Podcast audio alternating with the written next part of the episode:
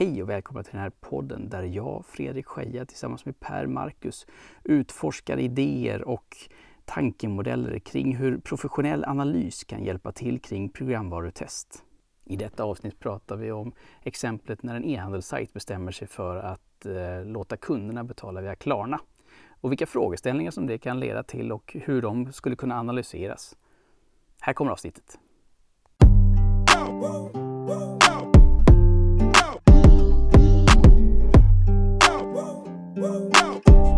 Pelle, hur är läget? Hej Fredrik! Jo, nej men det är väl bra. Eh, Jag drack tre öl igår så idag är rösten lite basigare än vanligt. Får man Ja, säga var- det i en podcast? Ja, det, det tycker jag vi, vi får säga. Det får vi Ja. säga. Öl får man dricka. Öl får man dricka. Jag är vuxen. Men aldrig, aldrig numera framöver, inte före inspelning av podcast. Inte före inspelningen av podcast. Det är fantastiskt viktigt. En regel som vi har, den instiftas idag. Ja, nej, vi, vi kör på. Hur, eh, hur uppfattar du och vad lärde du dig av eh, förra avsnittet? Att det är svårt att spela in podcast. Eh, och att det var förbannat roligt. Och Ja. att eh, Nej men att vi har mycket att jobba på men att det förmodligen bara kommer bli bättre och bättre. Jag tror det. Vi kommer eh, gå in i ämnet eh, bit för bit och, och, och borra oss djupare.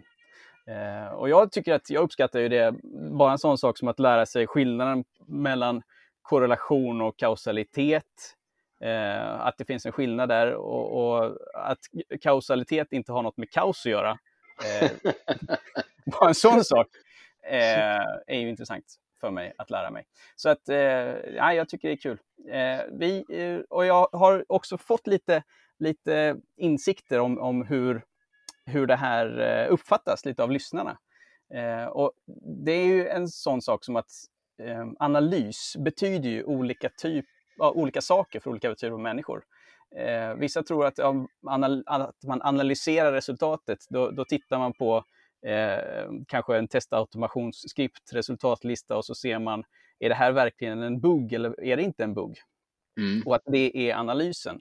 Eh, Medan jag tänker att ja, då har man ju en, en, en frågeställning som, är det här eh, en bugg? Eh, är det avvikelser vi hittar eh, som faktiskt är reella avvikelser? Vi Eh, pratade ju lite förra avsnittet om det här med att vara proaktiv. Och Mm. i det fall man letar buggar med test, ja men då kanske man inte riktigt jobbar proaktivt. Det vi pratade om förra avsnittet delvis var ju att om man sätter upp ett, ett analytiskt tänk i, i en testautomationsflöde så finns det ju potential i att hitta proaktiva lösningar och komma åt problemen innan de faktiskt är problem. Så att ja, Och då handlar det om att man kanske tar lite större frågeställningar än att är vår observation en, bugg eller inte. Mm. Utan ehm, låt oss ta ett, ett case, eh, Mm. ett, ett ex- exempel. Eh, vi har en, en eh, retailer, en eh, webbhandel, eh, som nu tänker ah, vi ska implementera och eh, ehm, möjliggöra för våra kunder att eh, göra en Klarna checkout. Eh, och, och det är ju en förändring eh, som man kan ge till en utvecklingsgrupp. Så säga, ni ska eh, koppla till Klarna. ehm, men sen är det ju en frågeställning då sen som kommer. När väl det här är utvecklat så kommer frågeställningen, funkar det? mm. Och det, den, är, den är rätt svår att, att, att svara på den frågan. Ja, den frågan är ju typiskt inte bara en fråga utan det är väl ganska många frågor som finns i frågan funkar det? Just. Ehm, Och då kommer vi in för- på om, området som du pratade om förra, förra gången eh, och det var, vad hette det, undersökningsmetodik? undersökningsmetodik. Vilka frågor är det faktiskt som vi ställer? Det är ju en del av undersökningsmetodiken, eller survey Mm. methodology som det heter på engelska. Ehm, Men, men vilka, då, då måste vi egentligen ställa oss, om beställaren, eller måste fråga oss, om beställaren kommer med frågan, funkar det? Vad är det han faktiskt frågar efter? Alltså jag skulle ju genast tänka mig så här, ja, men vad var, varför vill han implementera Klarna från början? Var det för att öka kundnöjdheten? Var det för att öka omsättningen? Därför att folk kanske undviker bolag som inte använder Klarna idag. Jag vet att jag är en av dem. Är det så att jag inte har en lätt betalningsmöjlighet, då kanske jag undviker det och väljer något annat istället. Alla de här frågorna är ju sånt som faktiskt går att mäta. Mm. Funkar det? Ja, den är väl också, det går väl att mäta. Ja, du kan betala med Klarna, men vad har det faktiskt för impact på bolaget? Det är ju, det är ju, det är ju den mer relevanta frågan. och då skulle jag fråga mig, vad är det för fråga som beställaren vill ha svar på? Mm. För någonstans fanns det en vision, en, en dröm hos, hos beställaren, hos den här eh, webbhandeln om att det här ska möjliggöra för oss att antingen öka eh, vår, vår, eh, vår förmåga att eh, fånga kunder, att de ökar sitt köpbeteende, att för varje besökare så får vi eh, mera eh, saker köpta, mera köp. Mm. Eh, och eller en snabbare, kanske en snabbare hantering. Att från att tiden att kunden lägger sin vara i varukorgen, att köpet går igenom, att den tiden förkortas. Mm. Så att det Alla gäller att bryta ner de här frågeställningarna, funkar det, till, till vad var det, som, som du sa, vad var intentionen med, med förändringen? Ja. Och eh, det du pratar också om är ju kundnöjdheter. Vad, är det, vad, vad efterfrågar kunden är ju också en relevant fråga där. Om intention, då, börjar vi bena upp vad intentionen faktiskt var. Någon säger vi vill ha Klarna, som inte, om intentionen är att vi vill ha Klarna så är det varför vi vill vi ha Klarna? Jo, för att kundnöjdheten ska öka, för att omsättningen ska öka, för att jag vet inte, diverse. Allt, alla de frågorna, det är ju sånt som faktiskt också är mätbart eh, med analytiska modeller. Mm. Och då gäller det sen nästa steg att när vi väl har benat ut de här olika typerna av frågeställningarna kopplade till den här intentionen, att börja samla data. Mm. Där kommer ju du in. Och där kommer jag in. Där kommer ju du in, du som, du som är fena på testautomation. Och då, då, då, blir jag, då triggar jag liksom på, okej, okay, men då vill vi ju ha vi vill ju ha svarstider, vi vill ju ha eh, data från, eh, från, från verkligheten, hur lång tid det tar i, i olika steg för den här köparen i olika typer av lägen under köpresan. Eh, vi vill ju ha kundrecensioner från kanske prisjakt. Eh, vad tycker folk om vår vår sajt. Vad tyckte de innan och vad tyckte de efter eh, förändringen var, som vi introducerade? Där kom du in på någonting viktigt eh, som jag tänkte nämna sen. Om man sen ska analysera resultatet, då måste du ju faktiskt ha en baseline att jämföra mot. Eh, mm. Därför att om vi säger hur har det gått och vi bara har data från nu, då kan vi ju inte mäta skillnaden. För det vi är ute efter i den här frågan är ju faktiskt vad har hänt? Det, har det blivit ett skifte från hur det var innan, oavsett vad vi mäter? För nu har vi egentligen två tidpunkter. Då. Före mm. det händer och efter det händer. Sen så måste man också då i en sån, i en sån analys ta med, ja, men om vi implementerade Klarna fem dagar innan den stora julruschen kommer, ja men då kan vi ge, ge oss, ge oss eh, pip på att eh, omsättningen ökar direkt efter. Men det måste ju ställas i relation till julhandeln året innan. Då börjar vi tala om säsongsbetonad, eh, säsongsbetonad data. Så att alla de här sakerna behöver struktureras upp och den data som samlas in vid datainsamlingen behöver ta hänsyn till när implementationen gjordes, vad som hände före och vad som hände efter. Men det som hände efter måste ställas i relation till en liknande period innan, om det finns ett köpmönster. Det är ju jätte, viktigt att eh, poängtera och att vara medveten om det. Att för om man samlar data och sen så kan det ju se ut som om det här var en jättebra investering, en jättebra eh, injicering av en ny eh, funktion. Mm. Eh, men det var bara för att det såg ut så eftersom Black Friday kom, kom emellan. Liksom. Mm, precis.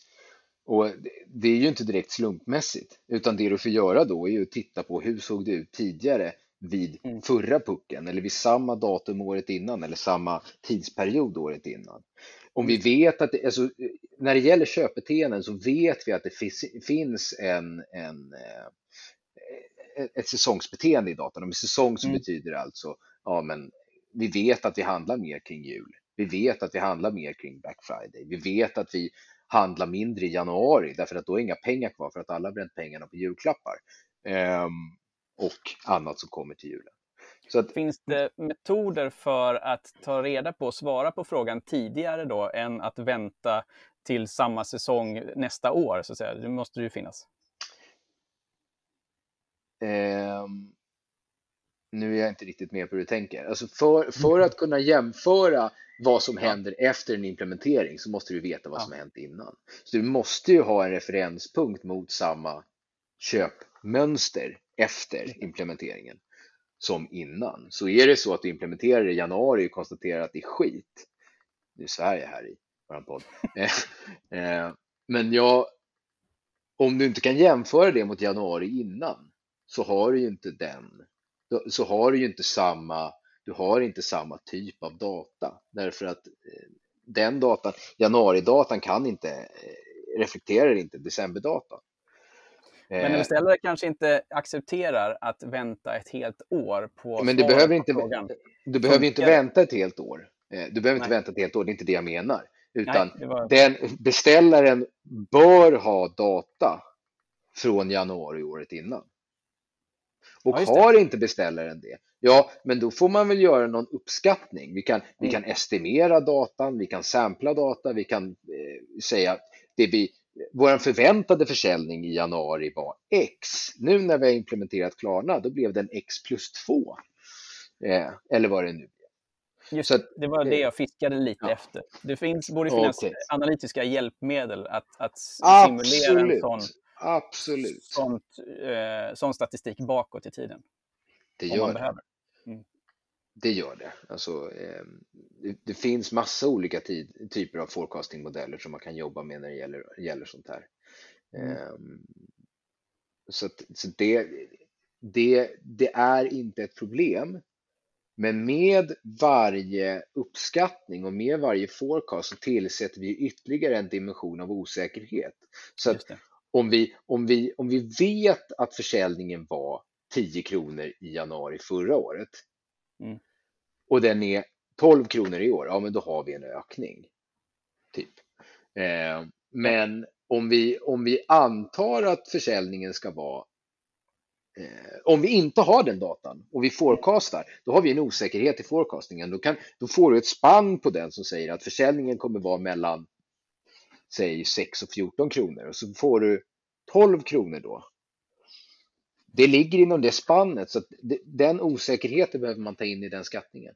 Just det. Och hur levererar man då den formen av osäkerhet? Jag har ju sett väderleksprognoser eh, där man då säger att eh, prognosen är, är måttligt säker. Liksom. Eh, och det är väl på det sättet man också får rapportera på en sån fråga. Funkar det nu? Ja, det, lösningen är i produktion. Våra kunder kan gå och välja Klarna Checkout. Vi ser att si och så här många gör, gör det valet. Eh, men, och sen så tror vi att det har ökat vårt, vår, vår revenue eller vår omsättning med si och så här många pengar. Eh, men det är en uppskattning baserat mm. på de här modellerna, eller hur gör man?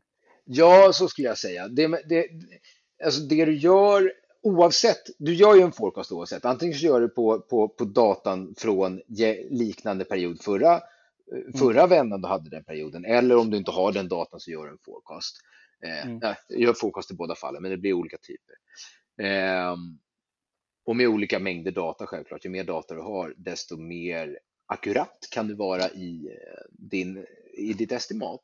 Det. Men, men det vanliga är då att ja, men det du får är ett förväntat värde för vad, eh, vad försäljningen ska vara efter, eh, säg då i januari.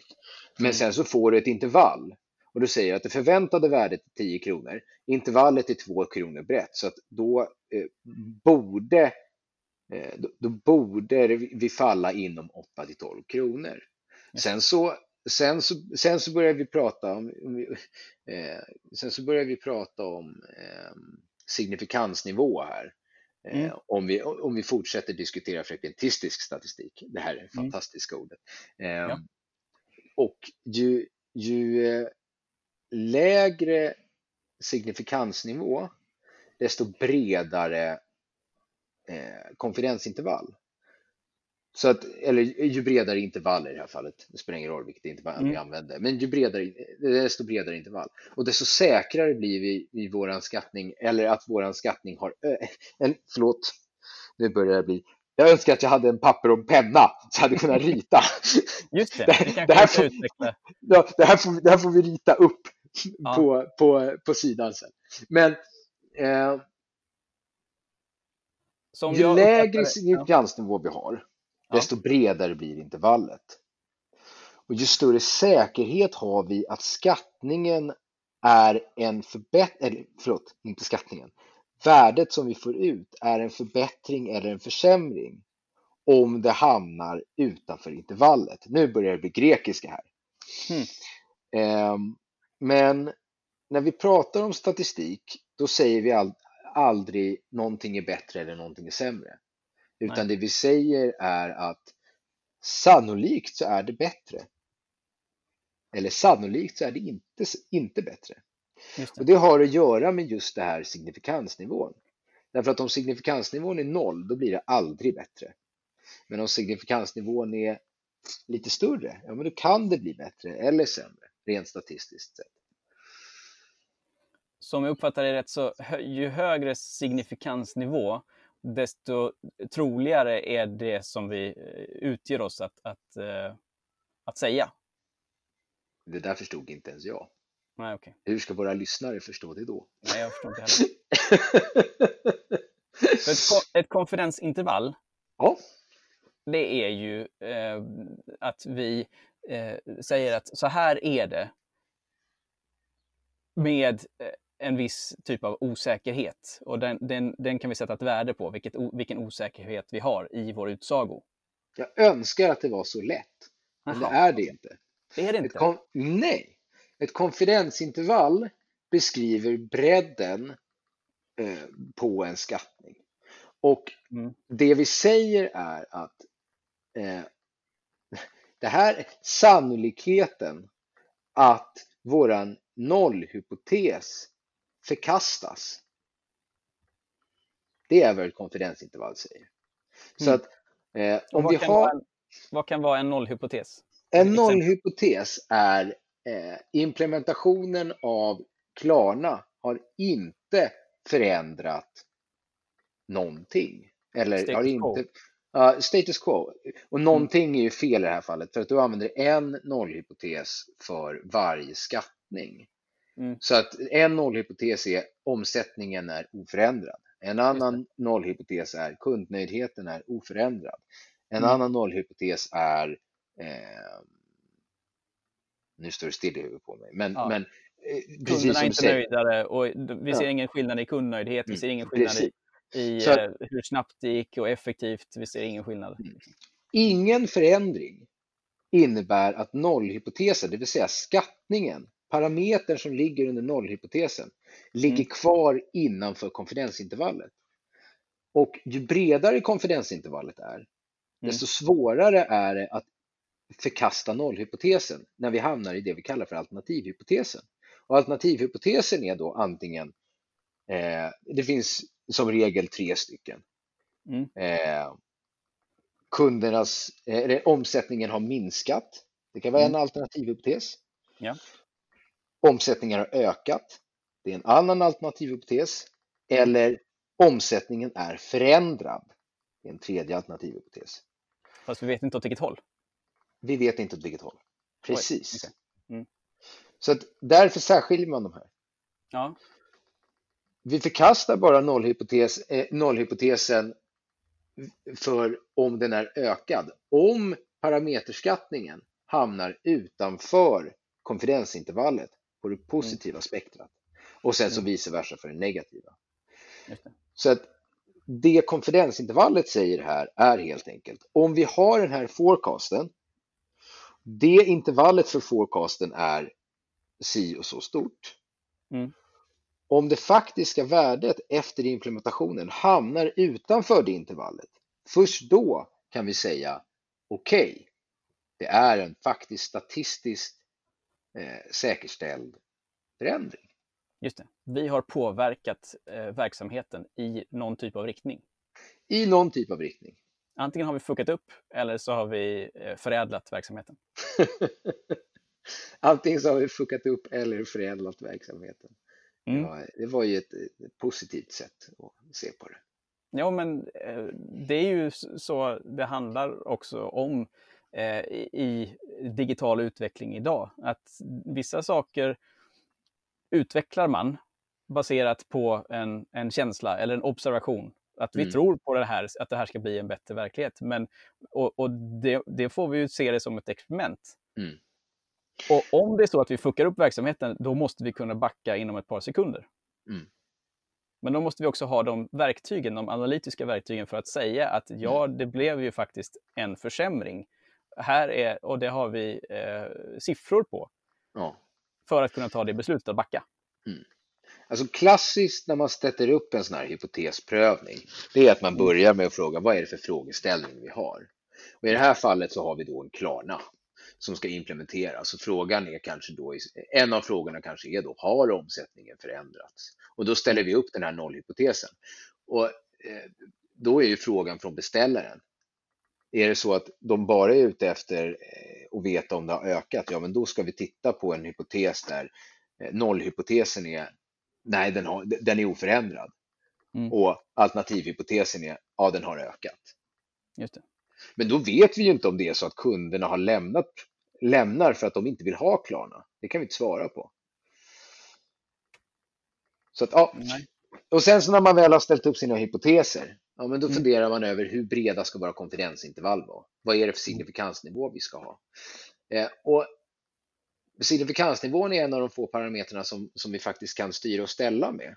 Eh, och man kan välja fritt. Du kan säga att allting som är en förändring är eh, signifikant, eh, statistiskt signifikant. Men gör man så, alltså sätter du en väldigt hög signifikansnivå, ja, mm. då är ju resultatet erbarmligt dumt. Därför att, eh, därför att ja, men, eh, om omsättningen ökar från 10 miljarder till 10 miljarder en krona, därför att vi har satt en signifikansnivå på 50 procent, ja, då är den statistiskt säkerställd, men den är inte nödvändigtvis relevant. Nej, Den faktiska ökningen som vi är ute efter, den är betydligt större. Så att man kan styra bredden på sina konferensintervall. Och i, traditionellt sett så, så, säger man att en signifikansnivå på 5% är någon slags standard. Mm. Men det är inte alls ovanligt att de är mycket, mycket mindre än så. Till exempel om du gör medicinska studier, då vill du ha en låg signifikansnivå om du gör ett test, om du testar dödlighet till exempel. Du vill ju vara säker på att, att, att eh, patienter som tar eh, ditt läkemedel inte får svåra biverkningar. Mm. Så då Så har man ganska... Signifikansnivån är kopplad till en, en riskmedvetenhet eller en, en vilja att riska för verksamheten? Precis. Du kan ju välja en, högre signifikansnivå men, men, men, men resultatet blir tvet, tvetydigare och ah, blir enklare att liksom motbevisa senare. De kan visa sig att det är fel senare. Mm. Hur hjälper man en organisation att, att hitta rätt balans i, i signifikansnivå? Då? Att försöka lära sig business, lära sig verksamheten, eller? Eh... Vanligtvis så är det så att när du, har, när du använder statistiska program och du gör mm. dina parameterskattningar, då är själva valet av signifikansnivå sällan jätterelevant. Därför att eh, en, parameterska en bra parameterskattning, vilket ofta har man mycket data, eh, mm. så är parametrarna, parametrarna som vi estimerar, om man har mm. tillräckligt mycket data, då kommer säkerheten i de skattningarna göra att eh, antingen så är de signifikanta eller så är de inte signifikanta. Oavsett i princip vilken signifikansnivå du sätter. Um, okay nu, nu, börjar det bli, nu, nu börjar det bli statistiskt här känns det som. Ja. Får vi se om ni hänger med. Eh, men det finns, det finns inget rätt och fel. Det är väl lite så. Eh, men man ska, vara, man ska vara försiktig med hur stora, eh, hur stora alfan man sätter. Eh, förlåt, mm. sin, hur, vad, vilken signifikansnivå man sätter. Den, den brukar eh, skrivas som alfa. Eh, all denna grekiska. Ja. Eh, och eh, alltså, det finns inget rätt och fel. Nej, men, ett, men ett mindre alfa är alltid bättre. Sen så är det upp till var och en av analytikerna. Om du har mm. en bra analytiker, då är han medveten om och ska kunna informera beställaren om att när vi har gjort den här skattningen, då kan vi säga att ja, den är statistiskt signifikant, eh, vilket betyder att ja, men vi, vi, är, vi är ganska säkra på att det här faktiskt är korrekt. Och vi är det på grund av att, ja, sen kanske man inte behöver prata om signifikansnivå, därför att det är väl inte alla beställare som är insatta eller intresserade av det. Men, men man ska ändå kunna ha lite kött på benen när man går dit. Ja, det är ju också min uppfattning. De är inte kanske intresserade av matematiken bakom. Men om man är eh, testare och eh, har tagit fram datan och även då kanske ser sig ansvarig eller tar ägandeskap för analysen bakom Mm. Eh, så behöver man förstå det här med, med eh, konferensintervall, eh, signifikansnivå och att det kanske mynnar ut till beställaren att ja, det funkar. Mm. För det är, det är, på den nivån som de vill höra det. Det har gett en positiv effekt för vår verksamhet. Mm. Köpflödena går snabbare och, och sådana saker. Och vi kan, vi kan eh, säga att det har vi kommit fram till eftersom det är eh, statistiskt säkerställt. Mm. Eh, och då känner man att man, man kan göra det uttalandet med, eh, med stolthet och rak i ryggen. så att säga. Precis. Då har vi, det, när, vi, när vi pratar om det du pratar om, då har vi gjort vår analys och analysen den är ju helt baserad på vilken data vi har. Eh, och man, ställer upp sin, man sätter upp sina intervall och man, man funderar över sina, sina fördelningar och man tittar på sina antaganden och man går igenom hela den processen och så har man kommit fram till ett, ett resultat. Och resultatet är ju då eh, att ja, men eh, vi kan med den här statistiska säkerheten faktiskt säga att vi kan förkasta H0 och det är en förändring. Så, eh, alltså hypotes 0, H0. Precis. Mm. Och när vi, när vi har förkastat H0 och vi säger att alternativhypotesen är korrekt med de konfidensintervall och den signifikansnivå vi har satt upp, ja men då kan vi dra någon slags slutsats av det här. Och det är slutsatsen som vi vill gå tillbaka eh, med till beställaren. Ja. Och, och att förkastat H0, om jag får då eh, ta mig mm. friheten att, att, eh, att repetera lite, förkasta H0 betyder att vi har genom den här implementationen eh, digitalt påverkat verksamheten åt något håll. Ja. Ja. Och ja. Eh, sen går vi till, till verksamheten och säger att så här har verksamheten påverkats. Och det är, det är ju ett eh, starkt budskap då. Eh, de har beställt en, en, implementation, en teknisk eh, systemimplementation som faktiskt har en, en, en statistiskt bevisad påverkan på verksamheten. Det är den och, bästa bevisningen. Den statistiska ja. bevisningen. Just det, och då kan man visa på att man har levererat värde. Mm. Eller fuckat upp någonting. Jag tror att man ska vara ganska försiktig när man pratar om den faktiska slutsatsen med, med beställaren. Man, man ska nog välja sina ord väl så att man inte hamnar i en diskussion som du och jag har nu om vad statistik är och diverse, utan man ska vara noga och hålla, hålla sig kort. Absolut. Absolut. Eh, jag tror på det eh, och jag stödjer det fullständigt. Eh, det finns något, ja, man kan ju säga så här, inner voice, outer voice.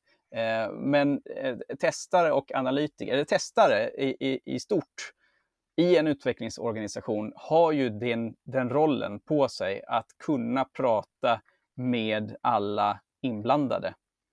Vi måste kunna prata med utvecklare på utvecklares språk. Vi måste kunna prata med en produktägare, produktägares språk och en beställare på en beställares språk. Och även då analytiker på analytikers språk. Det var många språk vi skulle kunna. Ja, det är, man blir lite av en tolk. Eh, men jag tror också att man, man måste kunna eh, ta de dialogerna och förstå vilka mekanismer som ligger bakom för att kunna bli en bra testare det, det, sägs ju att man ska kunna se på en analytiker att en analytiker är en analytiker. Vi är, en, vi är stoppade i ett fack som en personlighetstyp. Eh, jag, jag, låter resten vara osagt. Ja, vissa typer av eh, mentala bilder här. Eh, men absolut. Men bra. Och det här med eh, slutsats. Eh, jag läste en artikel om det här med att hur vi ska kunna eh, extrahera eh, actionable insights, det vill säga vägledande insikter ut ur data. Eh, och jag tror att det kan bli ett kommande ämne som vi får dyka ner i eh, i kommande avsnitt. Ja, tycker jag. Men jag tycker att vi eh, tackar för oss idag och eh, avslutar här och så får vi höras eh, nästa gång. Ha det gött! Men det gör vi. Tack Fredrik. Hej då! Hej.